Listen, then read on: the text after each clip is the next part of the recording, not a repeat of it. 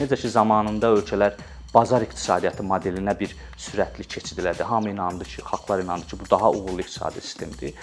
Bu inklüziv bazar iqtisadiyyatı modeli inkişaf etmiş ölkələrdə tətbiq edildikdən sonra, onun gətirdiyi siyasi iqtisadi uğurlar artıq bir resept halına keçəndən sonra artıq dünyada da bunu bir formada ya tətbiq etməyə başlayacaqlar, ya da bunun bir formada imitasiyasını eləməyə çalışacaqlar ölkələr.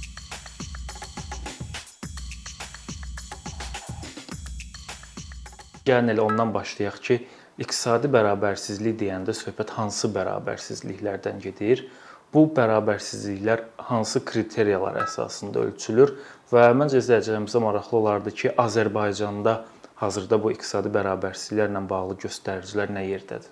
Məncə iqtisadi bərabərsizliklər deyəndə biz e, gəlir bərabərsizliyini burada fərqləndirə bilərik. Gəlirlərin bölüşdürülməsi e, dinamikasını. Əgər cəmiyyətin kiçik bir hissəsi gəlirlərin e, iqtisadda yaranan gəlirlərin böyük bir hissəsinin e, pay sahibi olursa, bu e, ədalətsiz bir gəlir bölgüsü hesab edilir. Bir də var sərvət bərabərsizliyi. Bu elə bil ki, ölkədə uzun illər davam edən gəlir bərabərsizliyinin nəticəsində meydana çıxan bir şeydir. Çünki ölkədə rifaha və yaxud da iqtisadi fəaliyyətə, özünü reallaşdırmağa təkcə gəlirlərin bölüşdürülməsindəki ədalətsizlik yox, eləcə də keçmişdən davamlı olaraq yaranan sərvət ədalətsizliyi də təsir göstərir.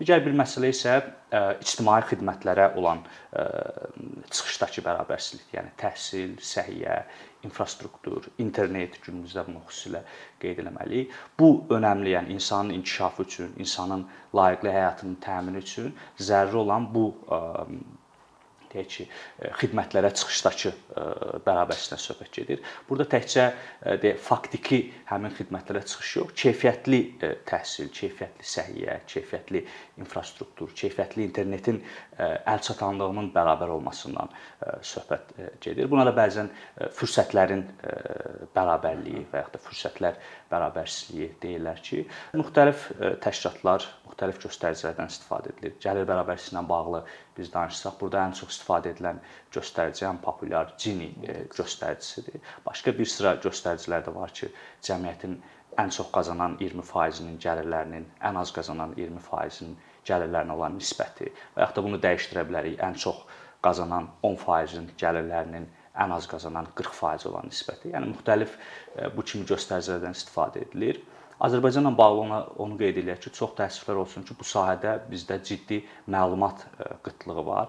Məsələn, e, ciddi data bazalara girdikdə, Dünya Bankının data bazasına girdikdə, digər data bazalara girdikdə Azərbaycanla bağlı Gini indeksinin göstəricisi son göstərici 2005-ci və yaxud da 2008-ci illər arasına təsadüf eləyir və oradan burada xeyli bir zaman keçib bilirik ki, baxımdan belə bir göstəricinin olmaması əslində bu siyasətlərin də daha dayanıqlı olmasına mənfi təsir göstərir. Çünki sən problemin kökünü, problemin dərəcəsini bilmirsənsə, bu məlumat yoxdursa, belə sorğular həyata keçirilmirsə, belə qiymətləndirmələr edilmirsə, siyasətlərin həmin kontekstdən, yəni siyasətlər nə dərəcədə ədalətliliyi təmin eləyir, nə dərəcədə bərabərsizliyi azaldır. Bu kontekstdən də faydalı ola bilmir. O baxımdan mən düşünürəm ki, bu sahədə Azərbaycanda bəlkə də ilk atılmalı olan addımlardan biri tədqiqat mərkəzlərinin, dövlət qurumlarının bu sahədə təcili məlumat bazasını formalaşdırması, həm bunu ictimaiyyətə açıq eləməsi ki, iqtisadçılar bu müzakirələrə daxil ola bilsinlər, həm də öz siyasətlərində bunu nəzərə alması, həm də onların siyasətlərini qiymətləndirmək üçün bu datalar kifayət qədər vacibdir. Maraqlıdır bu iqtisadi bərabərsizliklərə ən çox hansı amillər səbəb olur? Və iqtisadi bərabərsizliklə vəziyyətin nisbətən yaxşı olduğu uğurlu ölkələrdə hansı siyasətin nəticəsində bu bərabərsizlik çox da kəskin olmur. İndi demək olar ki, iqtisadçıların mütləq əksəriyyəti institusional amilləri önə çıxarırlar. Yəni e, rifahda e, olan fərqlilik, ölkələr arası rifahda olan fərqlilik, yaxud da elə bu gəlirlərin bölüşdürülməsində olan fərqlilik, bütün bu amillərin hamısını başlanğıc olaraq e, institutların təsiri ilə ölçmək olar. Biz institutları da e, iki istiqamətə bölə bilərik. E, inklüziv institutlar, hansılar ki, qərarverici prosesdə e, daha geniş kütləni, maraq qruplarını həmin bir formada, həmin qərarvermə prosesinə daxil edə bilirlər. Bir də var ekskluziv institutlar, hansılar ki, qərarlar sadəcə dar bir çərçivədə verilir, hansısa deyək ki, o daha bu qərarları uzun müddət vermiş tərəflər tərəfindən həyata keçirilir və maraq qrupları, xüsusən cəmiyyətin geniş kəsiminin mövqeyi, maraqları, düşüncələri, istəkləri həmin qərarvermə prosesində nəzərə alınmır. Məsələn, Dünya Bankı bu inklüziv iqtisadi sistemə hansılar ki, hansılarda ki, deyək ki, iqtisadi rifahın daha ədalətli bölüşdürüldüyü bir sistem hesab edilir. Buna keçid üçün önəmli məsələlərdən biri tutaq ki, idarəçilik məsələsini qoyur. Yəni yaxşı idarəçilik məsələsini qoyur. Yaxşı idarəçilik deyəndə də biz şəffaflıq, açıqlıq, hesabatlılıq bunlar nəzərdə tutulur və o institutlar ki, onların eksklüziv mahiyyəti var, yəni cəmiyyətin geniş bir hissəsini o qərar vermə prosesindən kənarlaşdırır.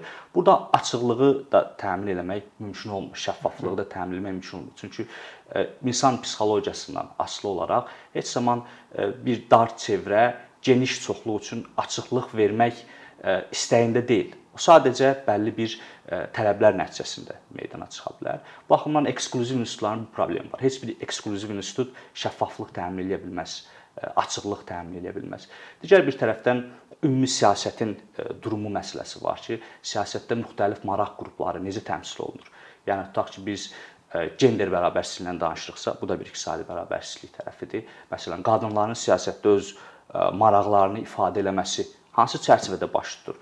və yaxud da biz işçilər üçün işçi hüquqlarının təminatı məsələsindən danışırıqsa, hansı deyək ki, bir işçiləri sırf təmsil edən siyasi maraq qrupu özünə siyasətdə bir təmsilçilik hüququ əldə edə bilər. Yox, əgər cəmiyyətin müxtəlif qrupları, müxtəlif sosial qruplar, müxtəlif deyək ki, hətta regionlardan olan müxtəlif təmsilçilik bunlar öz təmsilçiliyi əldə edə bilmirsə, nümayəndəliyi əldə edə bilmirsə siyasətdə, bu təbii ki, onların maraqlarının da qorunmamasına gətirib çıxarır. Yəni sən əgər öz mövqeyini ifadə edə bilmirsənsə, təbii ki, qurulan siyasətdə də sənin mövqeyin, marağın öz əksini tapmayacaq. Bu baxımdan siyasətin də inklüziv xüsusiyyətdə qurulması kifayət qədər önəmlidir. Təbii ki, siyasətdə biznes qruplarının maraqlarını da müdafiələyən tərəflər olacaq. Siyasətdə işçilərin maraqlarını deyək ki, qoruyan tərəflər olacaq. Ətraf mühit məsələlərini qoruyan tərəflər olmalıdır. Yəni bu siyasətin inklüziv e, xarakterini göstərir və nəticə olaraq da qurulan siyasətlərin e, e, daha ədalətli olmasına, iqtisadi rifahın daha ədalətli bölüşdürülməsinə təminat verir. Digər tərəfdən e, fiskal siyasətlər e, burada önəmlidir. Makroiqtisadi stabilliyi e, dövlət necə təmin edə bilər? Ümumiyyətcə həssas makroiqtisadi stabilliyin olduğu mühitdə biz rifahın ədalətli bölgüsündən danışa bilmirik. Yəni hamı kasıbdırsa, kasıblığı hamı arasında ədalətli bölmək də bir məntiqli deyil. Biz burada rifahın ədalətli bölgüsündən danışırıq. Bunun üçün makroiqtisadi stabillik kifayət qədər önəmlidir. Digər tərəfdən vergi və sosial müdafiə sisteminin sırf bu istiqamətdə e, təsis edilməsi kifayət qədər önəmlidir. Yəni araşdırmalar göstərir, müxtəlif beynəlxalq təşkilatların hesabatları e, deyək ki, irəli sürür ki, e, proqressiv vergiləndirmə xüsusiyyəti, yəni iqtisadi mənada çox güclü olanın daha böyük vergi daşıdığı, iqtisadi mənada zəif olanın isə nisbətən daha aşağı vergi yükünün altına girdiyi bir E, vergiləndirmə sistemidir, proqressiv vergiləndirmə sistemi. Bunun tətbiqi e, deyək ki, iqtisadi e, bərabər bərabərsizliyin azaldılmasına gətirib çıxara bilər.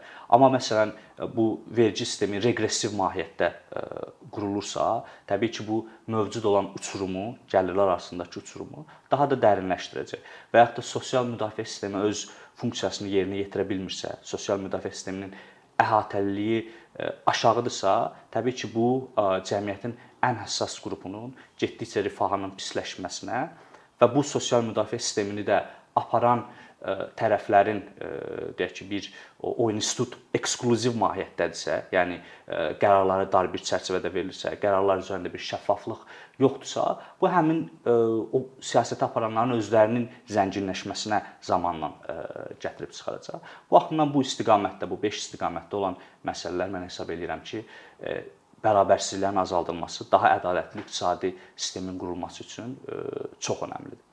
Son dövrlər bir çox dövlətlər bu iqtisadiyyatla bağlı qəbul etdikləri strateji sənədlərdə hər zaman yazırlar ki, onların iqtisadi siyasətlərinin əsas məqsədi ölkədə dayanıqlı və inklüziv inkişafa gətirib çıxaran bir nəticələr əldə etməkdir. Bu baxımdan sizcə iqtisadi bərabərsizliyin yaratdığı çağırışlar dayanıqlı inkişafa hansı təsir imkanlarına malikdir? Qlobal miqyasda bu məsələnin həm iqtisadçılar arasında, həm siyasətçilər arasında müzakirəsi heç də təsadüfdən deyil. Yəni bu həm bir sıra təcrübələrin nəticəsidir, eləcə də bir sıra tədqiqatların nəticəsidir. Məsələn, Beynəlxalq Valyuta Fondunun apardığı bir tədqiqat göstərir ki, cəmiyyətdə uçurum artdıkca, gəlirlərin bölüşdürülməsində uçurum artdıkca bu iqtisadi artımı zəiflədir. Məsələn, orada xüsusi bir rəqəm də verirlər ki, əgər tutaq ki, ən zəngin 20%-in gəlirləri 1% yüksəlirsə, bu iqtisadi artımı 0,1 faiz azaldır. Daha az iqtisadi artım. Və yaxud da ən az qazananların, ən az qazanan 20%-in gəlirləri 1% artdıqda bu iqtisadi artım üzərində 0,38% müsbət təsir göstərir. Yəni bir formada gəlirlərin gəlirlərin bölüşdürülməsində ədalətliliyi təmin etdikcə və ya da uçurumu azaltdıqca iqtisadi artımın tempi də başlayır artmağa. Digər bir tərəfdən iqtisadi artım özlüyündə tək önəmli zəruri məsələ deyil. Artımın dayanıqlılığı məsələsi də önəmlidir. Əgər sən tutaq ki, 2 il böyüyürsən, ondan sonrakı 2 il staqnasiya dövrü yaşayırsan, sonra 5 il böyüyürsən, sonra yenə bir staqnasiya dövrünə keçid edirsənsə, bu zaman artım bir inkişaf gətirmir. Yəni artımın inkişaf gətirməsi üçün bunun davamlı olması xarakter. Doğrudur. Heç bir ölkə böhranlardan müasir iqtisadi sistemdə tam olaraq sığortalanmayıb, amma bir var bu böhranlar daha yüksək tezliklə meydana çıxır. Bir ara böhranlar daha gec tezliklə meydana çıxır. Bir araşdırma göstərir ki, ölkələrdə bərabərsizlik artdıkca bu gələn bir maliyyə böhranı, maliyyə iqtisadi böhranının bir deyək ki, xəbər xəbər eləyən bir əlamətdir. Yəni bunu San Fransisko Mərkəzi Bankının apardığı belə bir təqdimat tədqiqat göstərir. Digər bir tədqiqat göstərir ki, məsələn, əgər iqtisadi artımın daha uzun müddətli e, olması üçün iqtisadi artımdan doğan gəlirlərin daha bərabər bölüşdürülməsi e, önəmlidir. Məsələn, nümunə üçün də göstərirlər ki, tutaq ki, Şərqi Asiya ölkələri və Latın Amerikası ölkələri burdakı inkişaf uçurumunun başında dayanan səbəblərdən biri kimi onu göstərirlər ki, Şərqi Asiya ölkələri Latın Amerikası ölkələri ilə müqayisədə artımdan yaranan faydaları, artımdan yaranan gəlirləri daha bərabər bölüşdürə bilir. O baxımdan daha davamlı artım tempi yaxalaya bilir və nəticə etibarilə daha yuxarı həyat standartı əldə edə bilər. Bu tədqiqatlar eləcə də son illərdə xüsusən də inkişaf etmiş ölkələrin siyasi sistemində baş verən tektonik dəyişikliklər, insanların mövcud bazar iqtisadiyyatı yanaşmasına olan total etirazı. Bunlar artıq e, həm beynəlxalq təşkilatların e, rəhbərliyində, həm ayrı-ayrı ölkələrin rəhbərliyində e, belə bir qənaəti tam olaraq möhkəmləndirib ki, yox, hamı üçün işləyən bir iqtisadi sistem üçün, hamını razı salan bir iqtisadi sistem üçün, dayanıqlı bir bazar iqtisadiyyatı üçün rifahın bərabər, daha bərabər, daha ədalətli bölüşdürülməsi önəmli bir məsələdir. Onun üçün bu inklüziv artım məsələsi bir gündəm kimi meydana çıxıb və burada uğurlu olan ölkələr var, hələ arxadan gələn ölkələr var. Mən düşünürəm ki, artıq bu bir dünyanın trendidir. Bu sahəyə qoşulmayan ölkələr də gec ya tez e, belə bir keçid eləmək məcburiyyətində qalacaqlar. Çünki mən düşünürəm bir formada necə ki zamanında ölkələr bazar iqtisadiyyatı modelinə bir sürətli keçid elədi. Hamı inandı ki, xalqlar inandı ki, bu daha uğurlu iqtisadi sistemdir.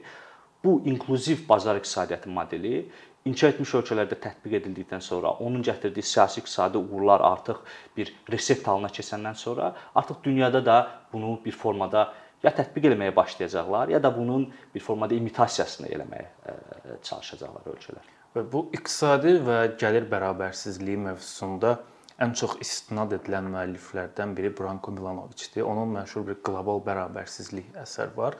Orada məsələn mənim diqqətimi çəkən bir məqam var idi. Milanoviç qeyd eləyir ki, 19-cu əsr daxil olmaqla, yəni 20-ci əsrə qədər dünyada xoşbəxt dünyaya gəlmək, yəni xoşbəxt doğulmaq o idi ki, sən hansı ailədə doğursan. Daha doğrusu doğulduğun ailənin hansı sosial sinifə mənsub olduğu bizim gələcəkdə zəngin və ya kasıb olmağımıza ən çox təsir edən amil idi.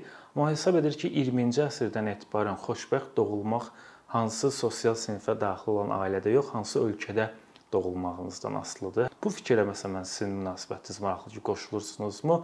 Gəlirlərin bərabərsizliyi bəzən insanlarda stimullar e, doğura, doğura bilər və bu bazar iqtisadiyyatının inkişafına gətirib çıxara bilər. Amma hansı halda? O halda ki, fürsətlər bərabər paylaşdırılıb. Sən çalışırsan, e, səy göstərirsən, oxuyursan, təhsil alırsan, e, daha çox çalışırsan və bu bir formada sənin həyatının dəyişikliyinə gətirib çıxarır.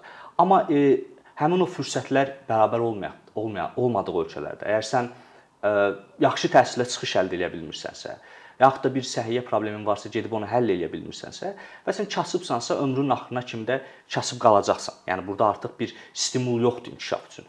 Mən düşünürəm ki, sizin dediyiniz o məsələdə biz bir fərqləndirmə elə eləməliyik. Hələ də mən düşünürəm dünyanın bir çox ölkəsində, eləcə də Azərbaycanda mən bunu açıq qeyd edə bilərəm ki, sənin doğulduğun ailə, doğulduğun deyək ki, o mühit hələ də sənin gələcək taleyinin önəmli bir belirləyicisidir. Bu məsələn institusional inkişafın təmin edildiyi ölkələrdə belə deyil. Yəni tutaq ki, institutların yaxşı işlədiyi, bayaq qeyd etdiyimiz inklüziv institutların olduğu yerlərdə insanlar kasıb doğulursa və ya da kasıb ailənin nümayəndəsi kimi doğulursa, o çalışıb, oxuyub, yaxşı təhsil alıb cəmiyyətdə müəyyən mövqe tuta bilər. İndi biz belə deyəndə Azərbaycanda kimlərisə e, deyək ki, nümunə göstərə bilərlər tək-tək, amma söhbət burada tək-tək nümunələrdən getmir. Total olaraq biz baxsaq, bu gün də Azərbaycan gəncinin e, taleyini onun hansı ailədə doğulduğu, ailəsinin iqtisadi vəziyyəti müəyyənləşdirir. Bu da məsələn bu şərtlə bazar iqtisadiyyatının bir model kimi inkişafına nail olmaq mümkün deyil. O məsələ də ona görə ortaya çıxır ki, fürsətlərdə bərabərsizlik var. Fürsət bərabərsizliyin e, olmadığı yerdə insanlar həyatını o dəyişdirə bilmirlər. E, və yaxud da məsələn təhsilə maraq itir. Yəni insan hər düşünürsə ki, hə, mən təhsil aldım, oxudum, mən öz e, hansısa xəyalımı reallaşdıra bilməyəcəmsə, bura niyə boş vaxt xərcləyirəm? Və yaxud da bir yaradıcı, yüksək biznes zəkasına malik olan gənc maliyyə resursuna çıxış əldə edə bilmirsə, amma hansısa E, çox keyfiyyətsiz bir biznes e, planına kimsə çox rahatlıqla öz əlaqələri hesabına maliyyə resursu, yəni kreditdən danışır. Bunu tapa bilirsə, əlbəttə ki, o gənc e, heç bir halda öz o yaradıcılığını iqtisadi mənada reallaşdırmağa meylli olmayacaq. O baxımdan dünyanın bir hissəsində siz dediyiniz kimi hansı ölkədə doğulmağın sənin yaşamına ciddi mənada təsir göstərir. Amma biz inkişaf etmiş ölkələri bir qrup halında götürsək, bu gün kiminsə Norveçdə, yoxsa Almaniyada, yoxsa İngiltərədə doğulması onun həyatı üzərində çox az bir e, təsir göstərmiş ola bilər. Amma sən dünyanın o e, inkişaf etməkdə olan və yaxud da heç inkişaf etməməkdə olan, mən hesab edirəm bu daha doğru bir e, termindir. Hissəsində doğulursansa və orada fürsətlər, şərtlər bərabər bölünmüşsə, orada institutlar sadəcə və yaxud da qərarverici deyək ki, proses bəlli bir dar çevrə tərəfindən nəzarət edilirsə və o verilən qərarlar sadəcə o dar çevrənin maraqları istiqamətində həyata keçirilirsə, əlbəttə ki, o zaman sənin doğulduğun ölkə sənin taleyini bir formada müəyyənləşdirəcək. Liberal iqtisadiyyatın tənqidçilərinin bu bazar iqtisadiyyatına, liberal iqtisadiyyata yönəltdiyi ən böyük tənqidlərdən biri olur ki, hazırki model bərabərsizlikləri daha da artırmağa təşviq edir və s.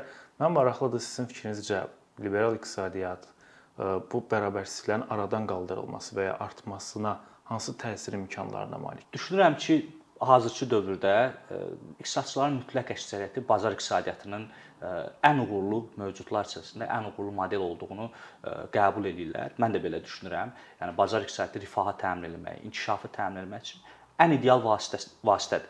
Amma o demək deyil ki, bazar iqtisadiyyatı da bir qüsursuz bir modeldir. Bazar iqtisadiyyatının həll edə bilmədiyi məsələlər də var. O məsələlərdən biri də e, gəlirlərin e, bölüşdürülməsində və yaxud da gəlir uçurumunun qarşısını alması məsələsidir. E, məşhur iqtisadçı Thomas Piketty öz əsərində məsələn bir formada bunu qeyd edir ki, bazar iqtisadiyyatı, ya da bazar iqtisadiyyatında gəlir uçurumunun yaranması əslində bir qaçılmaz bir prosesdir. Ona görə bura kənardan bir müdaxilə lazımdır. Orada müdaxilənin formalarını çox da geniş qeyd eləmir, amma orada o onu apardığı o geniş tədqiqat göstərir ki, bu bazar iqtisadiyyatının xüsusiyyətindədir.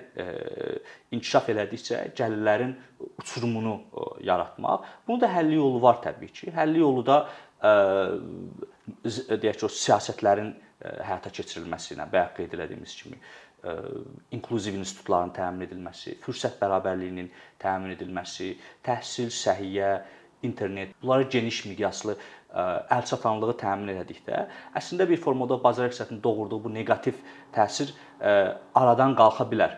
Amma burada seçim köklü olaraq azad bazar iqtisadiyyatından imtina deyil. Yəni bu heç bir halda biz bunu müzakirə eləmirik. Burada sadəcə müzakirə olunan məsələ ondan ibarətdir ki, bazar iqtisadiyyatının tətbiq edilməsinin daha uğurlu modeli var. Bu uğurlu model də əsaslanır bayaq qeyd etdiyimiz kimi inklüziv institutlara, yaxşı idarəçiliyə, şəffaflıq, açıqlıq, hesabatlılıq bunlara əsaslanır. Əsaslanır ki, sən nə dərəcədə innovasiyanı təşviq edə bilirsən geniş kəsim arasında. Nə qədər biznes qurmaq, biznesi inkişaf elətdirmək nə dərəcədə insan yaradıcılığından asılıdır. Hansısa əlaqələrdən, hansısa siyasi imtiyazlardan və yaxud da bürokratik imtiyazlardan asılı deyil. Yəni başqa sözlə rəqabətli mühiti necə təmin edirsən? Rəqabətli mühiti təmin elədikdə, təhsilə, səhiyyəyə zəruri yatırımlar elədikdə, institutlar da o qaydaları hamı üçün e, eyni olmalı olan qaydaları təmin etdikdə bazar iqtisadiyyatı e, ən dayanıqlı iqtisadi model kimi e, deyək ki, o yaxşı nəticəni təqdim eləyəcək. Çox sağ olun maraqlı cavablarınız üçün.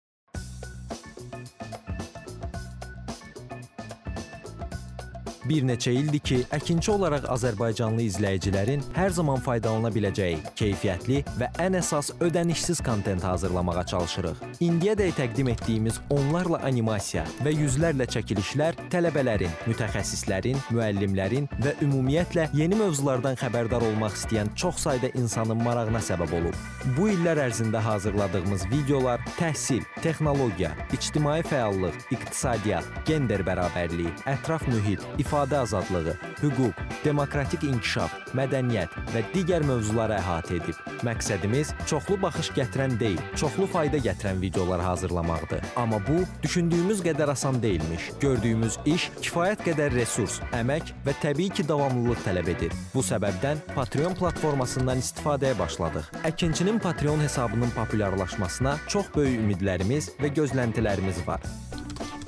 Bəziləriniz Patreon haqqında ilk dəfə eşidirsiniz. Əslində çox sadə izahı olan bir platformadır. Təsəvvür edin ki, siz rəssam və ya musiqiçisiz. Sosial şəbəkələrdə sizi izləyən, işinizi bəyənən çox sayda insan var. Patreon platforması sizə imkan verir ki, izləyicilərinizin könüllü aylıq ödənişləri sayəsində işinizi davam etdirəsiz. Sərgi, konsert zallarından asılı qalmayasınız. Amma bu təkcə rəssam və musiqiçilərə aid deyil. Məsələn, əkinçiyə bənzər fəaliyyətlə məşğul olan bəzi layihələrin 10 minlərlə patronu var. Biz də düşündük ki, nə üçün əkinçinin Patreon hesabı olmasın? Sizin dəstəyiniz sayəsində biz daha çox və daha keyfiyyətli kontent yaratmağa davam edə biləcəyik. Amma bu dəstək yalnız maddi dəstək deyil. Dəstəkçilərimizin sayının artması gördüyümüz işlərin faydalı olduğuna dair əminlik verir.